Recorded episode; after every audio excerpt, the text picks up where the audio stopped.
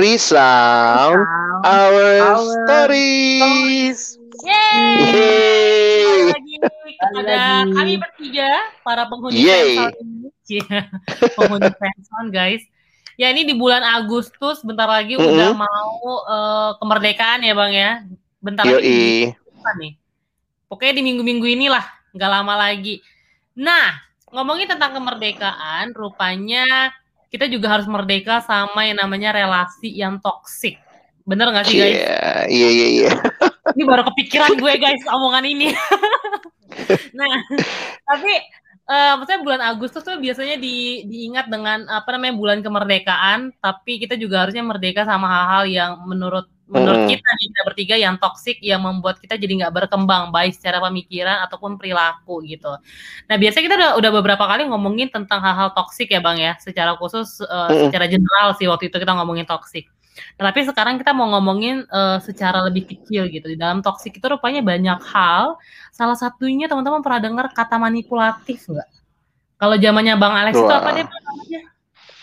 Jadi kayak playing victim gitu ya. Nah, Jadi benar. emang gue yang salah, emang gue yang salah. Padahal supaya orang lain lu ikutin mau gue dong gitu. Nah, betul banget. Nah, itu kalau zaman sekarang mungkin manipulatif kalau teman-teman sering dengar, "Ih, kamu tuh manipulatif banget." Nah, kalau teman-teman ada yang kurang ngerti sebenarnya manipulatif itu kayak gimana? Nah, contohnya bisa yang kayak Bang Alex secara gampangnya playing victim deh kayak dikit-dikit eh, pihak lain yang pihak lain yang pihak lain yang salah gitu kan.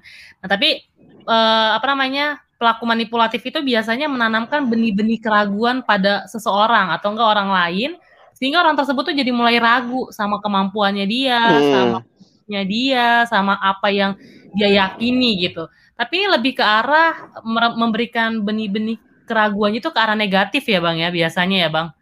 Mm-mm, betul. Hmm. Nah kalau kayak gitu, nih saya Ernest diem-diem aja nih. Kira-kira Nas, tes tes Ernest apakah sudah ada di sini? Gue lagi manipulasi kira-kira- lu, Nov, biar ngomong terus. Thank you Ernest. Nah kira-kira menurut lo ya sebagai seorang filsuf ya di antara kami bertiga, Lu- lo ciri-ciri dari manipulatif itu lo pernah nggak sih ngalamin Nes? Kira-kira apa sih? Kalau kalau gue pribadi sih nggak nggak pernah ngalamin ya. Mungkin orang-orang terdekat Lu yang gua jadi ngalamin. manipulatifnya ya, pelakunya ya. Iya, dia dia ngelakuin. dia ngelakuin. Lu di pelakunya nih kayaknya nih. Enggak, enggak. Ada Gua contoh ada, nggak, Nes? ada, ada ini sih, ada ada teman yang eh, dia baru sadar gitu ya setelah berapa tahun dia tuh ragu apakah yang dia lakukan itu sebuah tindakan yang salah atau atau benar kayak gitu. Jadi dia meragukan dirinya sendiri sampai akhirnya dia tuh ngikut sebuah webinar kayak gitu ya. Dia ikut webinar, dia ikut itu karena dia pengen meyakinkan dirinya sebenarnya gue yang benar salah atau enggak. Kenapa? Karena di dalam relasi itu dia merasa tersakiti gitu. Dia merasa Hmm. tersakiti dan kayaknya kan selalu ya kalau podcast-podcast kita kan Bang Alex bilang tuh ya eh, kalau mau relasi tuh it takes two to tango kayak gitu. Nah, tapi di bagian kok kayaknya yang salah dia doang gitu. Sedangkan yang lainnya nggak salah kayak gitu. Dan memang waktu gua lihat eh, percakapan antara mereka berdua lah antara teman gua itu kayak gitu dengan PKK-nya itu gua akhirnya makin sadar tuh kayak gitu. Eh, dia dia bagi gua eh, ada hal-hal yang yang dari PKK-nya tersebut. Jadi ini ini bisa terjadi loh di dalam persekutuan gitu. Ini Hmm. bisa terjadi di dalam persekutuan bukan cuma nama ngecek lagi ya biasa. sampai sampai chattingnya lu cek ya. Nah, iya karena karena AKK-nya itu tuh eh, mastiin ke gua gitu. Jadi gua bener atau enggak, ini harus gimana dan Hmm. lain sebagainya. Nah, gua nggak berpihak juga sama si si AKK-nya kayak gitu. Sampai akhirnya tuh dia sadar ternyata eh, kecenderungan orang-orang yang manipulatif itu adalah mereka tuh ya seperti mau meragukan si si korbannya kayak gitu. Sebenarnya kayak dianya yang eh, selalu salah, mau mengontrol, mau mau menuntut, menuntut tapi nggak kasih solusi dan lain sebagainya.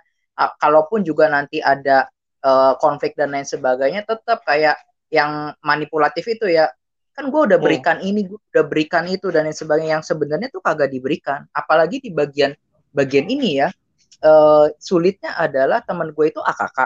Nah, yang manipulatif ini PKK-nya dia tuh kayak ngerasa ih ini kan PKK harusnya lebih tahu lah, lebih lebih mengayomi, lebih membina dan lain Mm-mm. sebagainya. Kayak, kayak bingung tuh. Jadi memang kayaknya gua deh yang gak rohani deh.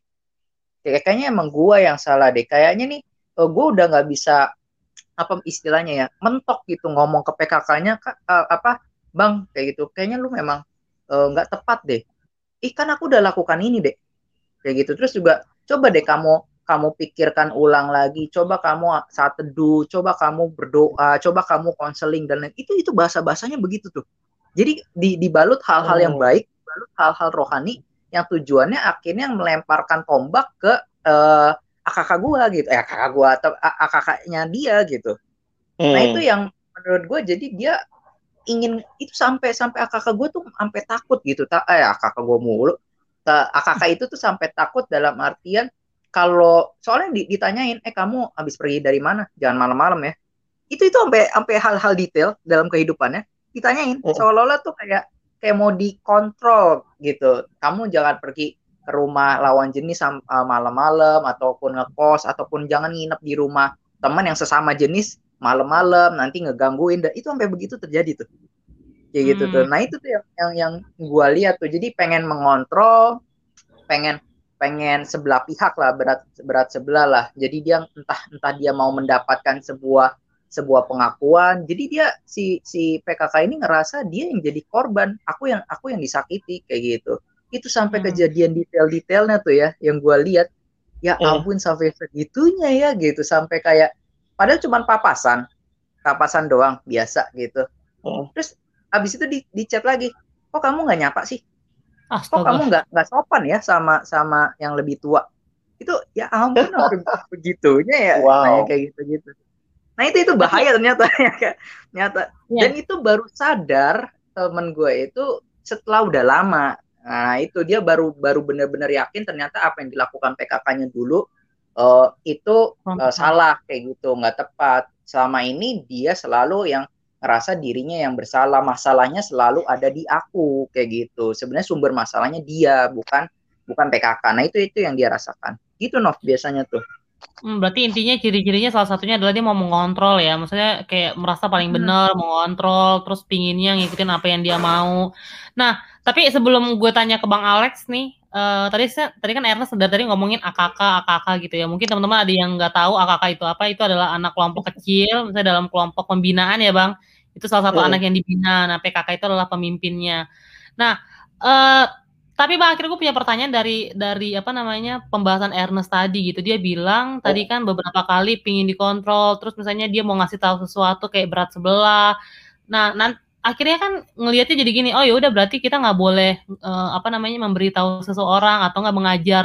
Nah itu gimana bang? Be bisa gimana ya gue bang ya?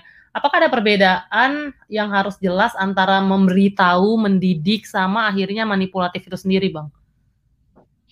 Nah ini memang kayaknya perlu gue jadi pengen nanya ke kalian juga gitu ya karena kan kalian hmm. juga adalah orang-orang yang memimpin ya hmm. maksudnya kalau sebelum gue kasih apa pandangan gitu ya maksudnya teman-teman sendiri gimana tuh sebagai seorang yang memimpin punya otoritas dalam arti ya orang itu kan bersedia kita pimpin berarti ya dia bawah hmm. dia ada di bawah kepemimpinan kita apalagi kalau ini berkaitan dengan menolong dia untuk bertumbuh, gitu ya kita pakai hmm. bahasa-bahasa rohani itu gimana tuh menjaga atau kita juga pernah jatuh dalam manipulatif nggak sih? Hmm. Mungkin dari gue dulu kali ya, baru ke Ernest ya. Iya, iya. Uh. Kalau aku sih pernah uh, sampai di tahap manipulatif juga rupanya tanpa aku sadari ya kan waktu itu hmm. awalnya aku jadi PKK pertama kali tuh waktu itu uh, pas kuliah gitu nah terus kayaknya ngelihat ini anak binaan yang harus gue gue tolong dengan tanda kutip ya misalnya kayak kesannya tuh kayak gue tuh udah paling ahli udah paling benar deh intinya gitu Nah, uh. sampai akhirnya aku merasa aku tahu bahwa aku tuh udah bener-bener terjebak dalam sik apa namanya dalam sikap manipulatif tuh gara-gara anak kelompok kecilku ceritanya suka sama satu cowok yang menurutku kurang tepat terus akhirnya aku oh. kayak mendirect dia untuk kamu tuh nggak boleh pacaran sama dia segala macem sampai akhirnya kayak aku kekang banget nah terus sampai satu titik anak ini bilang kak aku udah nggak mau kelompok kecil nah waktu itu oh. aku sedih banget waktu dia keluar dari kelompok kecil waktu itu misalnya kayak di situ akhirnya aku jadi merasa bersalah gitu dan aku marah sama anak ini itu waktu awal-awal jadi PKK Nah terus habis itu uh, eh, gue berusaha banget untuk ini anak nggak boleh keluar tapi harus melihat bahwa anak ini yang salah gitu. Itu kan manipulatif banget ya sebenarnya.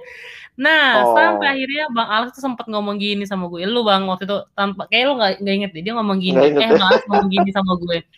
Kamu pikirin deh Nov, sebenarnya anak itu milik Tuhan atau milik kamu dibilang gitu kan dan akhirnya situ gue baru baru ngasih ya bener juga ya kamu tuh hanya dipercayakan nah keputusan ya emang ada di anak itu jadi akhirnya gue sekarang jatuhnya kayak ketika gue membina anak kelompok kecil gue gue memberitahu tapi balik lagi yang yang harus memilih adalah mereka gitu.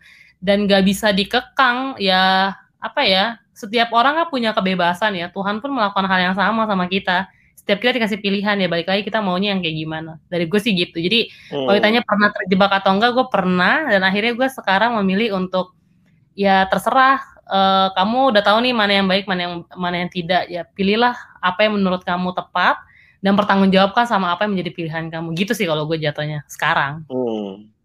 Ernest gimana Nes? Kalau gue ini sih ngelihat pola pola ini ya, gue kenal pola pelayanannya tuh dulu rada du, eh, dulu tuh uh, punya pemimpin yang yang strict juga tuh tegas-tegas gitu kan nah gue dulu hmm. sempet karena kenalnya cuma itu ngikutin gaya itu walaupun menurut gue nggak terlalu manipulatif sih kayak gitu tapi uh, hmm. kayaknya tuh kontrol tuh jadi sesuatu hal yang yang penting kayak gitu. Nah, cuman akhirnya makin lama gue makin makin sadar lah kalau setiap orang tuh uh, makin berkembang bukan waktu dia ngikutin apa mau gua kayak gitu. Makin berkembang ketika hmm. akhirnya tuh e, diberikan kebebasan untuk e, salah seperti itu. Nah waktu dia salah e, akhirnya dia belajar dan lain sebagainya. Nah kadang-kadang kan kontrol itu kan seolah-olah jangan salah lu kayak gitu. Karena kalau salah bahaya nih dan lain sebagainya nah akhirnya gua ngelihat e, seperti itu sih di dalam pelayanan pelayanan ya perlu perlu ada e, apa sih namanya kebebasan kayak gitu ya untuk melakukan salah uh, berani salah dan lain sebagainya. Uh, tujuan kita tuh bukan tujuan yang mutlak kayak gitu. Mm. nah itu yang yang yang perlu diingat kali ya kayak gitu di dalam kepemimpinan dan lain sebagainya. Walaupun kita tahu tuh itu tujuan yang mulia dan lain sebagainya tapi uh, ajak orang tuh bukan dengan cara dipaksa gitu. Tapi ajak mereka melihat. Gue suka sih ada salah satu quotes yang bilang hmm. kalau misalnya mau ajak orang uh, bikin perahu tuh jangan dipaksa-paksa. Kayak gitu. Jangan suruh dia bagi tugas eh lu potong kayu potong inilah. Kayak gitu. Lu bikin inilah bikin itu. Tapi ajak mereka lihat ke laut ke pantai coba tanyain ke mereka apa yang ada di balik pantai itu. Kayak gitu. Apa yang ada di balik laut itu buat mereka pengen buat mereka rindu buat mereka ingin nah itu sih yang gue akhirnya belajar oh iya ya ternyata memimpin tuh begitu bukannya manipulatif dengan cara-cara yang licik gitu ya yang tersembunyi uh, tahu-taunya keinginan gua dan lain sebagainya nah itu sih yang gitu-gitu yang gua belajar ya hmm. Iya, yeah, thank you ya. Uh, kalau gue juga sadar yang teman-teman sampaikan itu sudah jadi semacam prinsip-prinsip umumnya ya. Dan kita pun karena melewati proses akhirnya jadi sadar juga mengevaluasi gile ya dulu gue manipulatif banget gitu ya sama orang.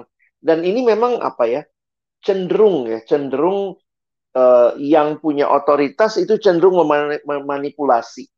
Walaupun relasi yang manipulatif itu nggak selamanya dari sisi yang punya otoritas. Kadang-kadang yang kelihatannya lemah maaf maksud gue kalau yang otoris punya otoritas kan cenderung kelihatan lebih kuat tapi yang yang lemah pun bisa manipulatif. Contoh nih, Novi punya ponakan kan? Iya. Dia manipulatif nggak? Nah, anak kecil oh. itu tuh kayak bisa dengan punya dia dia belajar dari naluri dan mungkin ya kalau kalau ma manusia ya dari kebiasaan. Hmm. Kalau gua teriak nih pasti dikasih nih. Nah, itu manipulatif juga tuh. Jadi kalau hmm. mau sesuatu dia teriak gitu. Nah, gua kan waktu dengar-dengar orang-orang yang belajar parenting gitu ya. Jadi kalau anak itu teriak dia dapat yang dia mau, dia teriak dia dapat yang dia mau, lama-lama dia pikir cara dapat yang dia mau adalah dengan teriak. Karena semua akan jadi justru dia yang memanipulasi gitu. Makanya sehingga gue pernah dengar tuh ya ada orang tua yang gini, iya nih, uh, jadi kami pernah mau reunian lah gitu ya, terus dalam dalam kesempatan mau reunian, terus sudah janjian nih, terus kemudian ada temen yang gini, e, sorry ya gue nggak jadi datang reuni nih, kenapa kita pada mikir gitu kan? Terus kemudian dia balas pesan, iya. Habis di tengah jalan anak gue nangis, mintanya pergi ke mall. Padahal anaknya tuh ya, ya memang masih anak-anak lah ya, tapi kita berpikirnya gini, gila ya, orang tua punya acara yang udah disetting jauh-jauh hari, namanya juga reunian ya, itu bisa dengan gampangnya karena anak nangis dan memanipulasi misalnya entah entah gimana dalam mobil yang terjadi akhirnya orang tua yang ikut anak gitu. Nah, memang tidak selamanya salah orang tua ngikut anak, tetapi kan istilahnya berarti kan acaranya orang tua yang udah direncanain bisa dimanipulasi begitu rupa oleh anak yang seperti itu. Nah, jadi kalau gue berpikir yang menarik sebenarnya akhirnya uh, melihat satu prinsip ya. Ini pas waktu itu dapat kesempatan bawain firman soal ini juga gitu. Terus yang menarik adalah prinsip persahabatannya Yesus di dalam Injil Yohanes pasal 15. Ternyata tuh Yesus memperkenalkan persahabatan yang setara. Wah, itu menarik tuh. Jadi sebenarnya akar dari manipulasi karena mungkin kita ingin menjadi tuan atas orang lain. Kita ingin mengontrol hidup orang lain. Kalau dia nggak mau ngikut kita, kita playing victim. Aduh, aku ini udah sedik uh, udah ngasih waktu begitu banyak ke kamu gila ya kamu nggak peduli sama perasaanku ya, jadi kita bisa memanipulasi gitu rupa nah Tuhan Yesus tuh memperkenalkan persahabatan yang setara yang di dalamnya itu sebenarnya mencerminkan Allah Tritunggal sih. Ya Bapa mengasihi anak, anak mengasihi Bapa, uh, anak mengasihi Roh Kudus, Roh Kudus mengasihi Bapa, dan demikian keindahan persahabatan yang setara di dalam kekekalan itu diterapkan Yesus kepada muridnya dan di dalam Yohanes 15 Yesus ngomong gini nih. Aku tidak lagi menyebut kamu hamba, tetapi sahabat. Dan ada poin yang menarik uh, karena aku memberitahukan hamba itu tidak tahu apa yang diperbuat tuannya, tetapi yang namanya sahabat justru karena dia dikasih tahu begitu. Nah, waktu aku merenungkan itu ya dalam prinsip yang umum, iya ya. Kalau kita terbiasa untuk manipulatif, bisa dengan kekuatan, kalau kita punya otoritas, bisa dalam kelemahan, kita sok-sok lemah juga atau kita memperkuat kelemahan kita supaya orang jadi kasihan, itu kan memanipulasi juga. Nah, itu bukan persahabatan yang sejati sih. Jadi persahabatan yang tidak manipulatif ya persahabatan yang kita belajar untuk terbuka, belajar untuk dengar apa yang jadi pendapat orang. Jadi bukan gini, karena saya pemimpin kelompokmu, kamu mesti ikutin yang saya mau walaupun yang kita katakan benar, tapi maukah kita mendengar? Waktu kita mendengar, kita memberikan penilaian atau tanggapan bukan untuk menghakimi, tetapi untuk mengajak dia berpikir. Nah ini yang tadi uh, Ernest bilang, Novi bilang gitu ya, yang sebenarnya kalau gue juga selalu ingat prinsip itu ya waktu mimpin kelompok kecil. Ini bukan anak gua, ini miliknya Tuhan dan karena itu gue harus tolong dia relasi itu harus berkembang, menolong dia bisa kenal Tuhan dan aku tuh cuma nemenin gitu, nemenin bareng-bareng gitu. Nah, mungkin itu sih yang aku tiba-tiba tadi keinget iya ya. Tuhan Yesus memperkenalkan persahabatan yang seperti itu padahal dia Tuhan loh gitu ya. Nah, itu jadi menarik sih. Gimana teman-teman? Ada komen nggak sebelum kita closing statement? Gimana Ernest? Eh gue dulu, gue dulu baru Ernest. Oh, Akhirnya gue iya, iya. gue gak mau kalah dari Ernest. Akhirnya gue melihat bahwa manipulatif itu tuh bukan tentang suatu hal yang dikontrol, yang yang paling hebat doang ya bang dengan tanda kutip. Jadi sebenarnya setiap kita tuh punya ini punya kontrol masing-masing walaupun yang terlihat dominan ataupun enggak. Itu gue ngeliat dari contoh yang lokasi sih anak kecil. Dia kelihatannya yeah, kayak yeah. lemah, tapi dia juga bisa memanipulatif Tadi kan saya hmm. statement hmm. statement gue kan adalah orang yang bisa mengontrol, kesannya kayak orang yang cuma bisa mengontrol, tapi dari dari yang yang gue lihat sih rupanya gue baru tahu, iya juga setelah itu gue kepikiran, iya juga ya. Kecenderungan ya. Iya rupanya anak kecil juga bisa manipulatif. eh, karena gini loh, anak kecil waktu papa mamanya yang tegas dengan misalnya opungnya yang datang beda dia responnya, dia bisa iya, cari iya, benar, benar, benar. Gue setuju, gue setuju. Bener ya? ya silakan Erna yeah. menanggapi. Tapi gue setuju sih dengan yang Bang Alex bilang ya, apa uh, dengan gayanya Yesus itu yang yang setara dan lain sebagainya. Memang sih waktu akhirnya kita ngerasa uh, berebutan kontrol kayak gitu, akhirnya jadi mm -hmm. jadi nggak padahal sahabat gitu ya padahal temen bukan bukan apa ya bukan hamba sama sama tuan gitu relasinya tapi ya sama sahabat hmm. dan lain sebagainya itu jadi jadi rusak uh, relasinya nah itu sih yang gue makin diingetin lagi gitu sama sama uh, tadi yang bang Alex sampaikan gitu. Hmm. Jadi gimana nih kalau teman-teman mau ngasih encouragement buat teman-teman yang mungkin sadar atau tidak sadar sedang ada dalam relasi yang cenderung manipulatif baik dia yang memanipulasi ataupun dia yang dimanipulasi gimana Nov? Kalau gue akhirnya mungkin jadi kalian closing statement kali ya. Iya iya, iya nah kalau dari ya, gue sih aku gini uh, setiap kita tuh balik lagi kayak Ernest tadi bilang, justru kita tuh makin bertumbuh gitu ya. Ketika kita menghadapi kesalahan, saya gini kita memilih dan salah, itu akhirnya bisa membuat dua pilihan. Satu kita jadi belajar, kedua justru kita jadi kayak ya udahlah udah salah udah biarin aja jadi kayak gitu kan. Nah kalau menurut gue adalah uh, mending kasih pilihan sih. Setiap kita tuh punya hak dalam hal memilih. Jadi uh, uh, apa namanya kita nggak boleh berpikir uh, kamu tuh jangan sampai salah nanti kalau salah begini gini gini. Ya udah gitu biarin kan biarkan dia menikmati proses yang harus dia lalui. Jadi kalau nanti dia salah ya ingatkan jangan sampai salah dan bantu dia. Tapi jangan bikin kesannya kayak uh, kita tuh paling benar sehingga membuat dia jadi takut hmm. dalam hal memilih. Karena kan tadi kan kayak di awal gue bilang manipulatif itu adalah membuat orang jadi ragu gitu. Jadi akhirnya kayak nggak mau berkembang nanti ke depannya. Tapi biar hmm. ya kasih aja pilihan uh, ada pilihan A dan B. Nah, menurut lo lo bisa uh, apa namanya bertanggung jawab sama pilihan yang mana ketika itu salah. Nah, biarkan dia memilih gitu. Jadi dia juga bisa belajar untuk apa ya? bertanggung jawab sama hidup dan sama pilihannya dia sih. Karena kalau kita yang terlalu ngontrol, hmm. akhirnya ketika kita nggak ada, dianya jadi nggak bisa apa-apa. Dan itu juga hmm. menurut gue kurang tepat sih. Karena Tuhan aja tuh memberikan setiap kita pilihan uh, apa namanya untuk memilih gitu. Siapakah kita manusia biasa ini?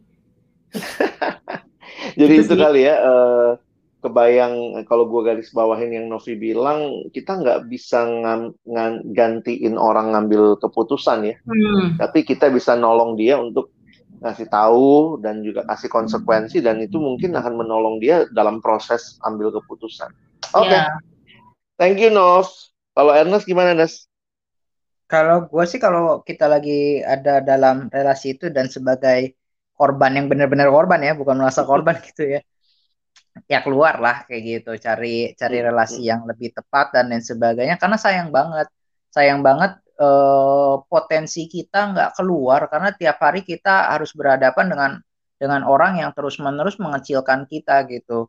Nah kita jadi nggak nggak maksimal eh, menjadi diri sendirinya dan lain sebagainya. Karena kan selalu hmm. ragu dengan diri sendiri kan kayak gitu. Dan dan buat yang eh, lagi merasa mengontrol kayak gitu haus akan kontrol itu ya ya serahkanlah kayak gitu ya kontrolnya kepada orang yang eh, atau pribadi yang tepat kayak gitu yaitu Yesus Kristus sendiri kayak gitu Yesus aja hmm. juga nggak nggak maksa-maksa gitu kan nah itu maksudnya kadang-kadang kan kita pengen dihormati pengen diapain lah hmm. pengen kadang-kadang punya punya kuasa tuh rasanya enak kan kayak gitu cuman ya mau nggak mau itu harus ditebus oleh Yesus Kristus di mana ya ya Yesus pun juga melepaskan kuasanya gitu ya maksudnya dari mm-hmm. membatasi melepaskan gitu membatasi kuasanya uh, sehingga akhirnya bisa uh, relate dengan kehidupan manusia di dalam dunia kayak gitu. Nah itu sih itu paling.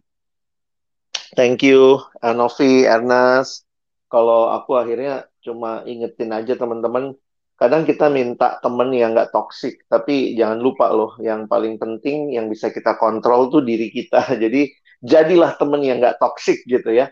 Paling nggak kalau bagian kita ya jangan jadi sahabat yang manipulatif. Jadi bukan hanya cari sahabat yang nggak manipulatif, tapi pada saat yang sama berjuang juga gitu ya dengan proses yang Tuhan berikan untuk tidak jadi sahabat yang manipulatif. Oke, okay. mungkin segitu dulu.